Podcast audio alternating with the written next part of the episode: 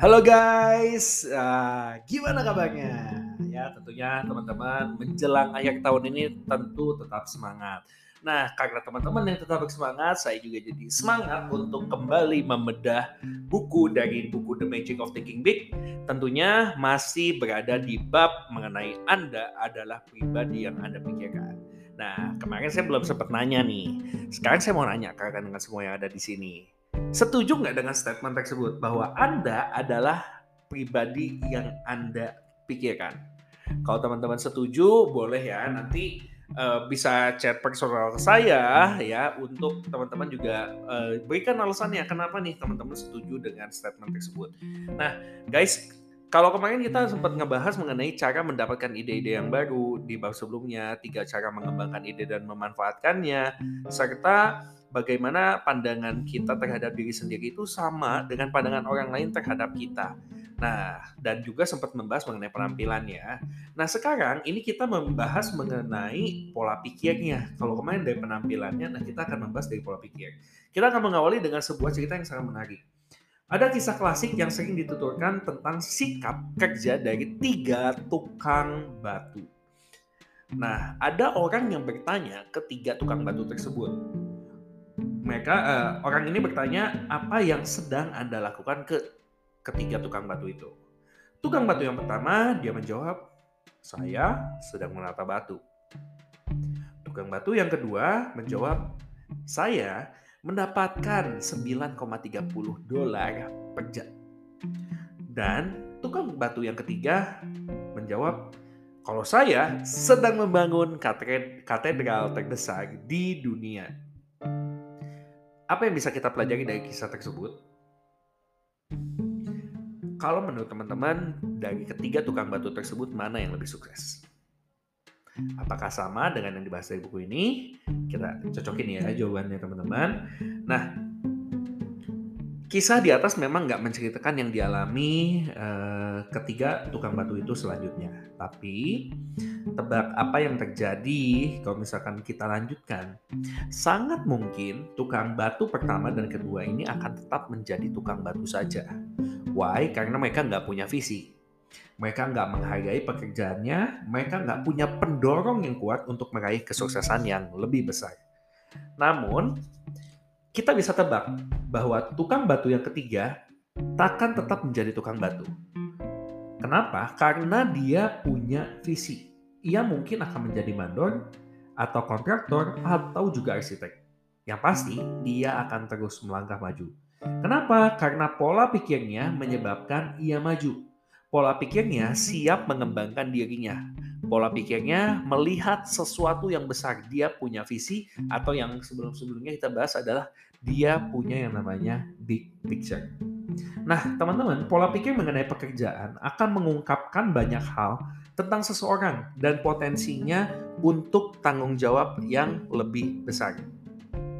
Ya, nah ternyata di sini juga dibahas mengenai kerjasama penulis ya dengan rekannya yang bekerja di bagian seleksi personalia atau mungkin rekrutmen ya. Nah, di sini temannya ini bilang bahwa satu hal yang selalu dia cari ketika menyalurkan pelamar kerja kepada kliennya adalah mengenai pola pikir dari pelamar tersebut tentang pekerjaannya yang akan dilakukannya ya atau pekerjaannya yang sedang dia kerjakan. Nah, di sini rekannya ini kerap kali terkesan. Kenapa? Banyak pelamar yang menganggap pekerjaannya itu penting. Meskipun ada hal yang nggak disukainya. Jadi walaupun saya nggak suka kayak gini, tapi dia menganggap itu penting karena dia punya visi. Mengapa? Sederhana aja. Jika pelamar merasa pekerjaannya saat itu penting, kemungkinan besar ia pun akan bangga dengan pekerjaan berikutnya. Kami sudah menemukan korelasi erat antara pola pikir terhadap pekerjaan dan kinerjanya. Ini yang disampaikan oleh rekan dari penulis. Seperti halnya penampilan, pola pikir Anda terhadap pekerjaan mengungkap, banyak hal tentang diri Anda kepada atasan, rekan kerja, bawahan, dan semua yang berkaitan dengan Anda. Di sini kita berbicara mengenai yang namanya adalah membangun manusia. Ya. Nah, di sini dikatakan bahwa rekannya ini mempunyai 800 karyawan yang kurang produktif. Nah, solusinya adalah satu-satunya dengan melakukan yang namanya sistem audit uh, atau biasanya assessment ya, teman-teman. Biasanya kalau di dunia profesional disebutnya dengan assessment setiap enam bulan sekali, gitu ya, untuk mewawancarai dan biar bisa tahu mengenai uh, bagaimana bisa menolong orang ini atau karyawan ini di pekerjaannya, gitu ya. Jadi kalau misalkan orang kenapa sih diwawancara seperti ini? Karena perusahaan itu menganggap itu uh, menganggap bahwa setiap karyawan itu adalah hal yang penting sehingga mereka harus tahu gimana cara untuk mengembangkan karyawan ini lebih lagi. Nah, pertanyaannya apakah selama ini kita sudah mendapatkan itu? Apakah kita juga mendapatkan support untuk kita bisa berkembang lebih? Kalau misalkan teman-teman belum mendapatkan berarti teman-teman bukan uh, berarti oh ya udah saya nggak mendapatkan dan akhirnya teman-teman protes dan lain enggak tapi gimana caranya untuk kita juga bisa mengembangkan diri sendiri?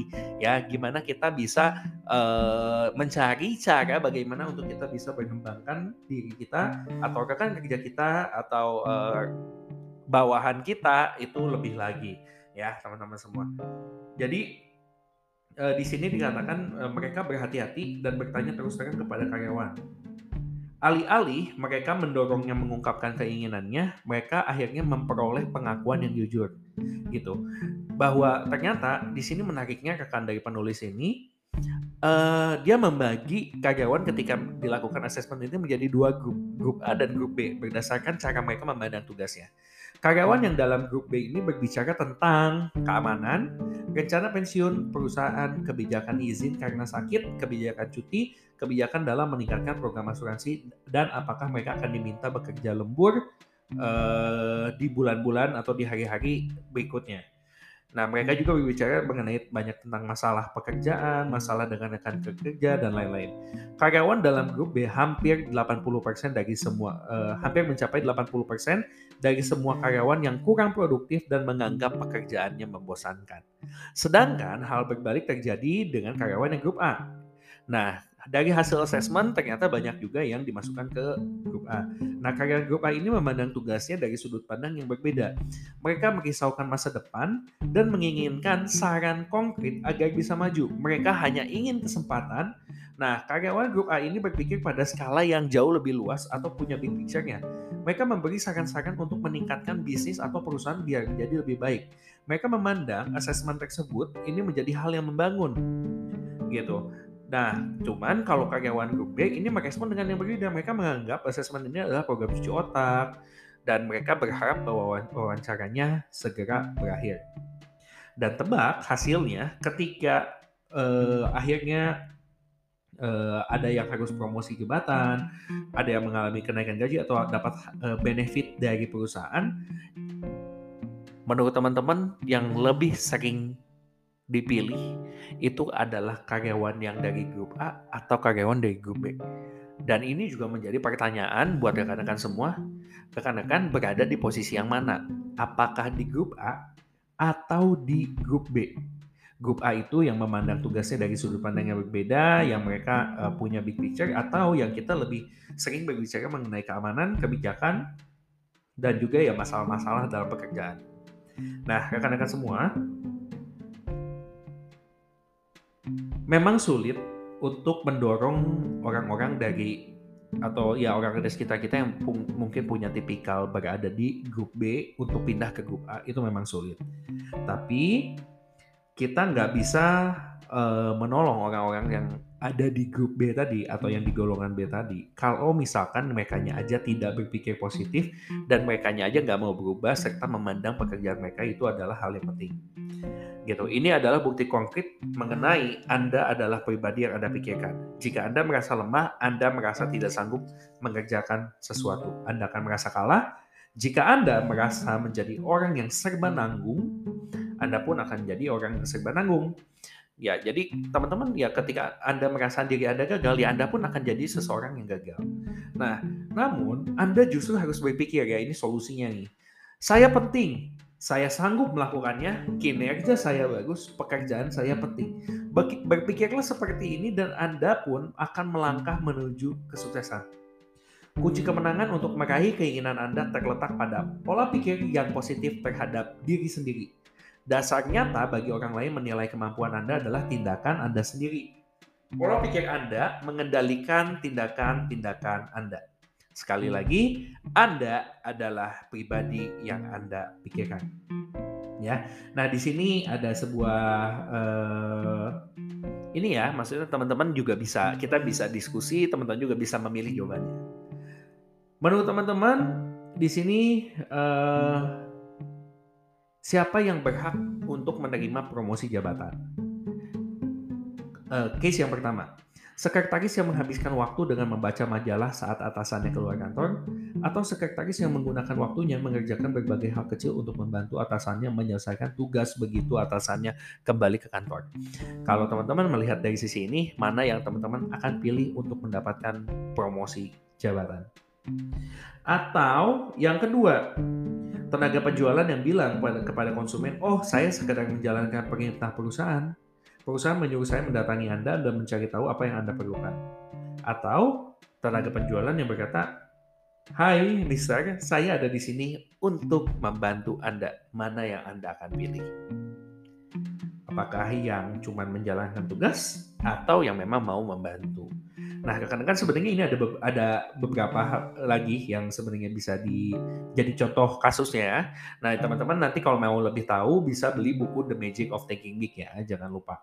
Nah, di sini ini uh, ini ada logika mudah mau logika yang masuk akal gitu ya. Ini mengenai pola pikir kita untuk kita melatih pola pikir kita. Nah, silahkan teman-teman di sini disarankan Anda membacalah lima kali katanya.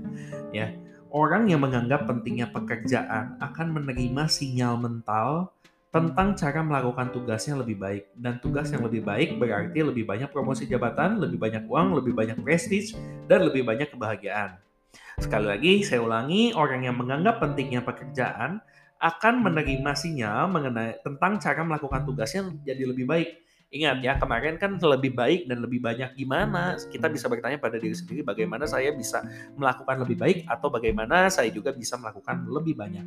Nah, kita ya di sini korelasinya. Orang yang menganggap pentingnya pekerjaan akan tahu cara melakukan tugasnya lebih baik sehingga mereka pun harus berpikir bahwa dengan tugas yang lebih baik berarti mereka akan lebih banyak promosi jabatan, lebih banyak uang, lebih banyak keberhasilan, lebih banyak prestis, lebih banyak kebahagiaan dan tentu saja lebih banyak penghargaan juga. Ya, teman-teman semua ini yang bisa uh, teman-teman sampaikan kepada rekan-rekannya. Nah, di sini ini uh, ada yang menarik juga bahwa ternyata pola pikir kita ini dipengaruhi oleh lingkungan kita. Ya, kita tahu nih, mungkin teman-teman bisa mengamati uh, keluarga teman-teman atau orang-orang di sekitar teman-teman teman-teman bahwa seorang bocah itu dengan cepat menyerap sikap, kebiasaan, ketakutan dan kegemaran dari orang tuanya. Entah itu kegemaran terhadap makanan, perangai, eh, pandangan politik dan religi, atau tipe perilaku tertentu.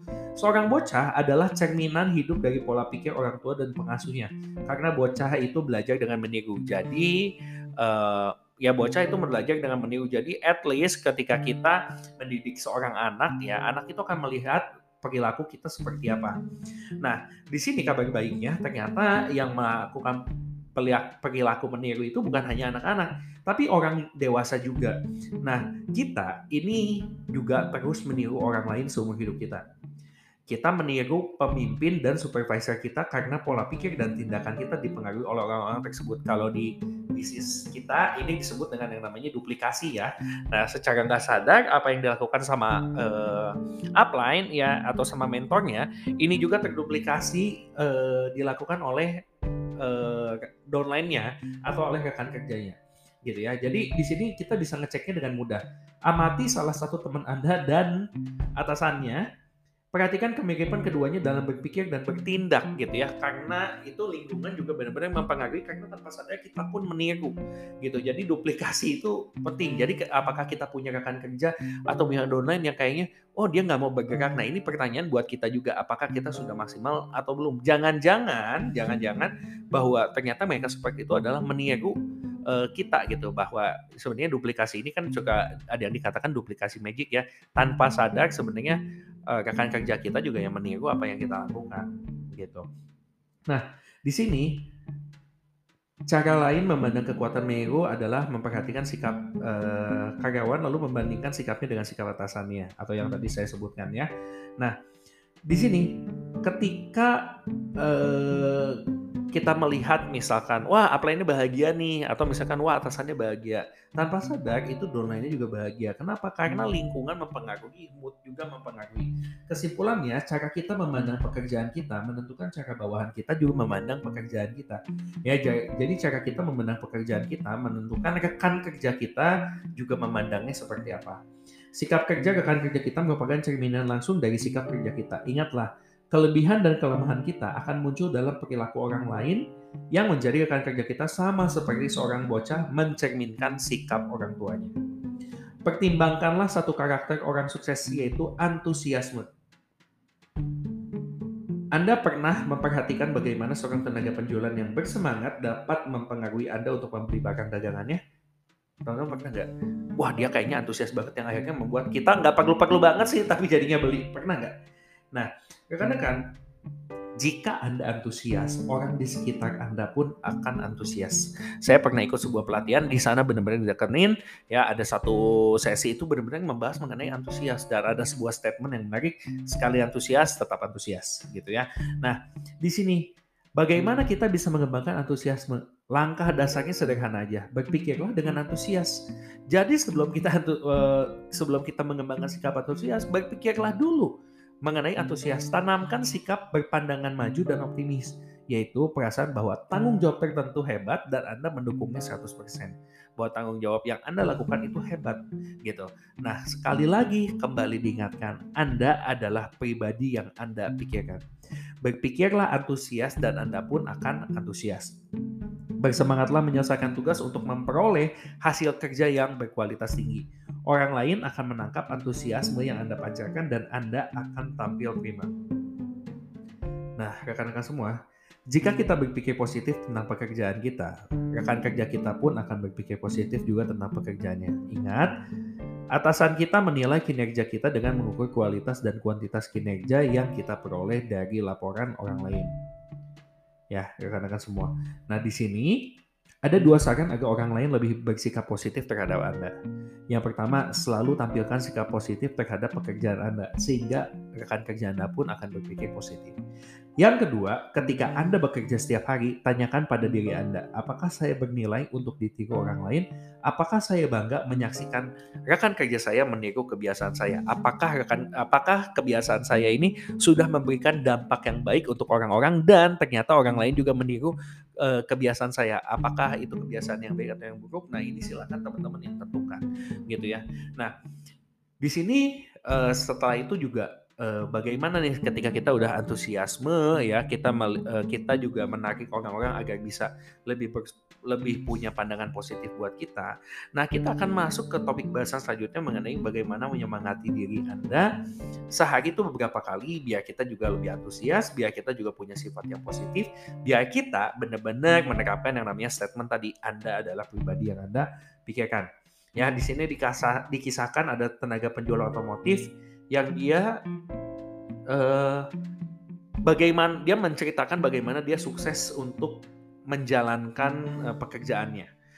Awalnya dia setiap hari itu harus telepon dua jam ya untuk calon pembelinya dia telepon untuk membuat janji presentasi. Kenapa? Ini dia menganggap awalnya ini masalah besar gitu dia merasa malu dan takut. Kadang ketika mau nelpon juga saya pribadi juga jadi keinget gitu ya. Saya berharap orangnya nggak ngangkat teleponnya. Kenapa? Karena malu dan takut gitu. Dan ternyata teman-teman ini juga yang terjadi ketika kita takut menelpon orang, menelpon orang, ternyata ketakutan kita ini bisa didengar dan diterik, diserap oleh orang-orang gitu bahwa mereka juga merasakan ketakutan tersebut. Gitu yang ngebuat akhirnya mereka tidak tertarik.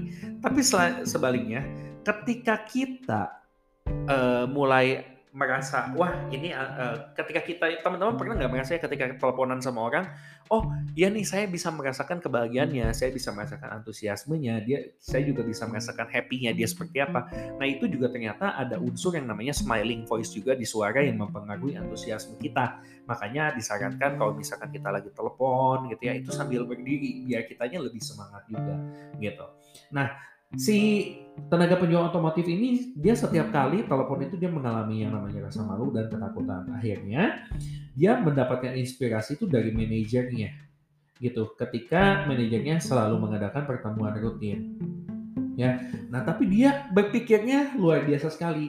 Dia punya ide yang luar biasa. Dia merasa wah manajer penjualannya ini bisa menginspirasinya menginspirasi dirinya dia. Tapi ini pertanyaan yang dia lantarkan ke dirinya sendiri. Lalu kenapa saya tidak mampu menginspirasi saya sendiri?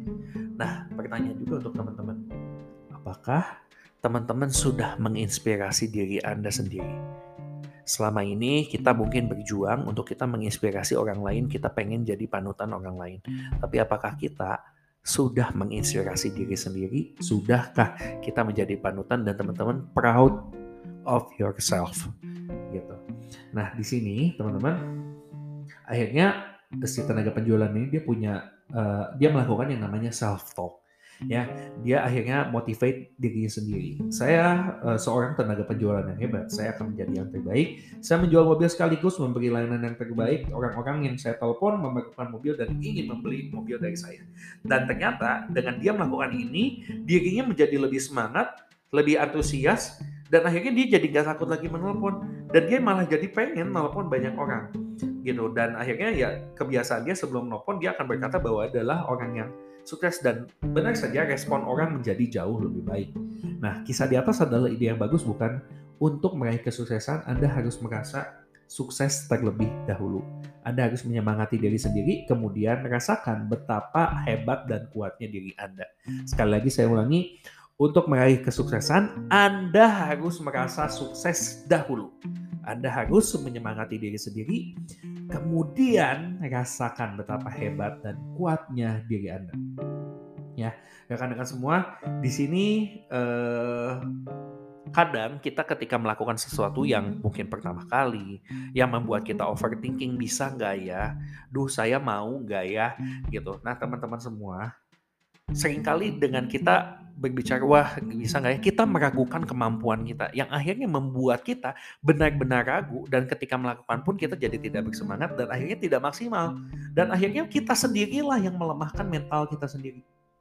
Kita malah sebelum kita mencoba kita udah meyakinkan bahwa kita akan gagal dan kita jadinya tampilnya nggak prima Nah, rekan-rekan semua, saya mau mengajak teman-teman ketika kita mau melakukan sesuatu yang baru atau mungkin kita banyak berpikir bisa nggak ya? dan lain-lain, saya mau mengajak teman-teman hilangkan pikiran-pikiran tersebut dan gantilah dengan teman-teman bersemangat, menyemangati diri sendiri, self talk bahwa teman-teman bisa, teman-teman akan melewati ini, teman-teman adalah pribadi yang hebat dan lakukan itu berulang-ulang sebelum Anda melakukan sesuatu yang baru tersebut sehingga ini akan menjadi satu hal yang baik dan di sini ada tips yang luar biasa, berlatihlah memuji diri Anda dan jangan pernah meremehkan diri Anda sendiri. Ya, berlatihlah memuji diri Anda, jangan pernah meremehkan diri sendiri, Anda sendiri. Mungkin sering kali, oh saya nggak meremehkan diri saya, cuman memang saya ragu. Nah, ragu itu kenapa? Kalau Anda percaya diri, Anda nggak akan ragu. Nah, di sini sekali lagi diingatkan bahwa Anda adalah pribadi yang Anda pikirkan. Hargailah diri Anda karena Anda memang begitu berharga. Setiap hari kita menyaksikan banyak orang yang kehilangan semangatnya. Hidup segan, mati nggak mau. Mereka sudah kehilangan semangatnya dan kehilangan sikap menghargai. Mereka bersikap masa bodoh, mereka merasa dirinya kecil, mereka merasa nggak bernilai karena mereka merasa demikian. Kemudian itulah yang terjadi.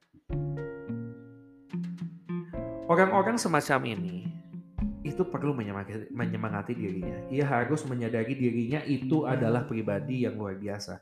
Mereka harus menyadari dirinya bahwa diri mereka adalah pribadi yang hebat, pribadi yang luar biasa. Mereka memerlukan keyakinan yang tulus dan jujur pada dirinya sendiri.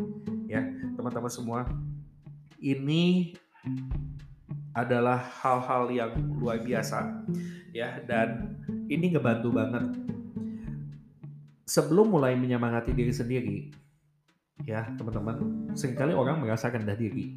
Ya hal yang wajar. Memang betul ketika kita kadang aduh bisa nggak ya? Kita sering kali merasa rendah diri gitu. Tapi mau sampai kapan kita akan bersikap seperti itu dan jadinya kalah. Ya jadi teman-teman semua di sini juga ada tips yang menarik untuk kita menghargai diri silahkan teman-teman bikinlah uh, ini ya. Maksudnya gimana sih cara menghargai diri untuk teman-teman puji diri anda sendiri gitu. Pertama pilihlah aset anda yaitu kekuatan anda. Apa sih yang menurut anda sifat anda yang menjadi kekuatan anda?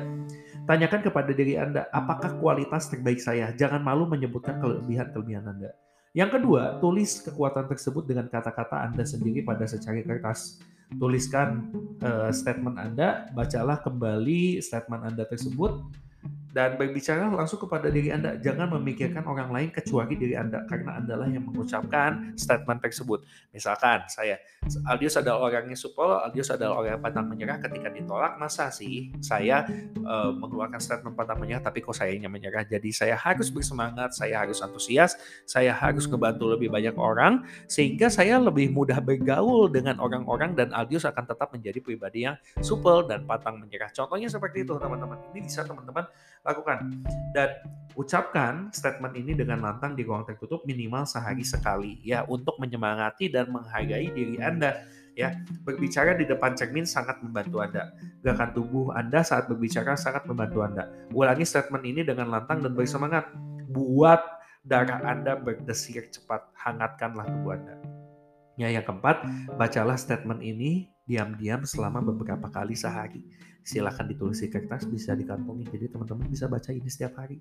Ya, nah sebenarnya ini disebutnya ada sih contoh statementnya di buku ini. Teman-teman jangan lupa untuk beli bukunya ya, The Magic of Thinking Big, karangan dari David J. Schwartz, PhD ya teman-teman biar teman-teman tahu statementnya itu emang seperti apa sih yang harus saya tulis teman-teman silahkan beli bukunya jadi biar lebih kebayang ya nah teman-teman di sini Bacalah statement tersebut ketika Anda menghadapi apa pun yang membutuhkan keberanian.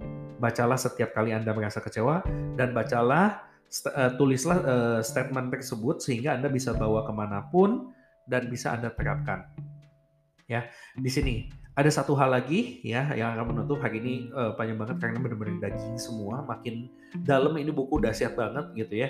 Nah di sini Sebagian besar orang mungkin menertawakan teknik mendulang kesuksesan ini. Penyebabnya mereka nggak percaya kesuksesan bertumbuh dari pola pikir yang terarah. Namun penulis di sini memohon abaikan saja pendapat tersebut. Anda bukanlah pribadi yang biasa-biasa aja. Jika Anda meragukan kekuatan dasar dari prinsip menghargai diri sendiri, bertanyalah pada orang paling sukses yang Anda kenal, seperti apa pola pikirnya. Tanyakan itu, kemudian mulailah menghargai diri Anda. Sekali lagi saya ulangin, buku ini, di bab ini kita membahas mengenai Anda adalah pribadi yang Anda pikirkan. So, what your choice of yourself? Ya, teman-teman semua, silakan pikirkan yang terbaik, hargailah diri sendiri, eh, dan semoga uh, bedah buku kita ini ya di bab yang dari halaman 119 eh, tadi sampai dengan 130 eh, ini bisa ngebantu teman-teman untuk punya mindset yang baru untuk lebih menghargai diri ya bahwa Anda adalah pribadi yang Anda pikirkan. Sampai jumpa di podcast berikutnya. Terima kasih.